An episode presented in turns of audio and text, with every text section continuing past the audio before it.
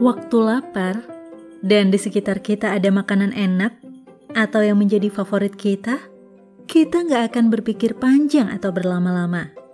Bergegas ambil piring, sendok, lalu menyantapnya. Demikian pula pada hal yang kita sukai atau butuhkan.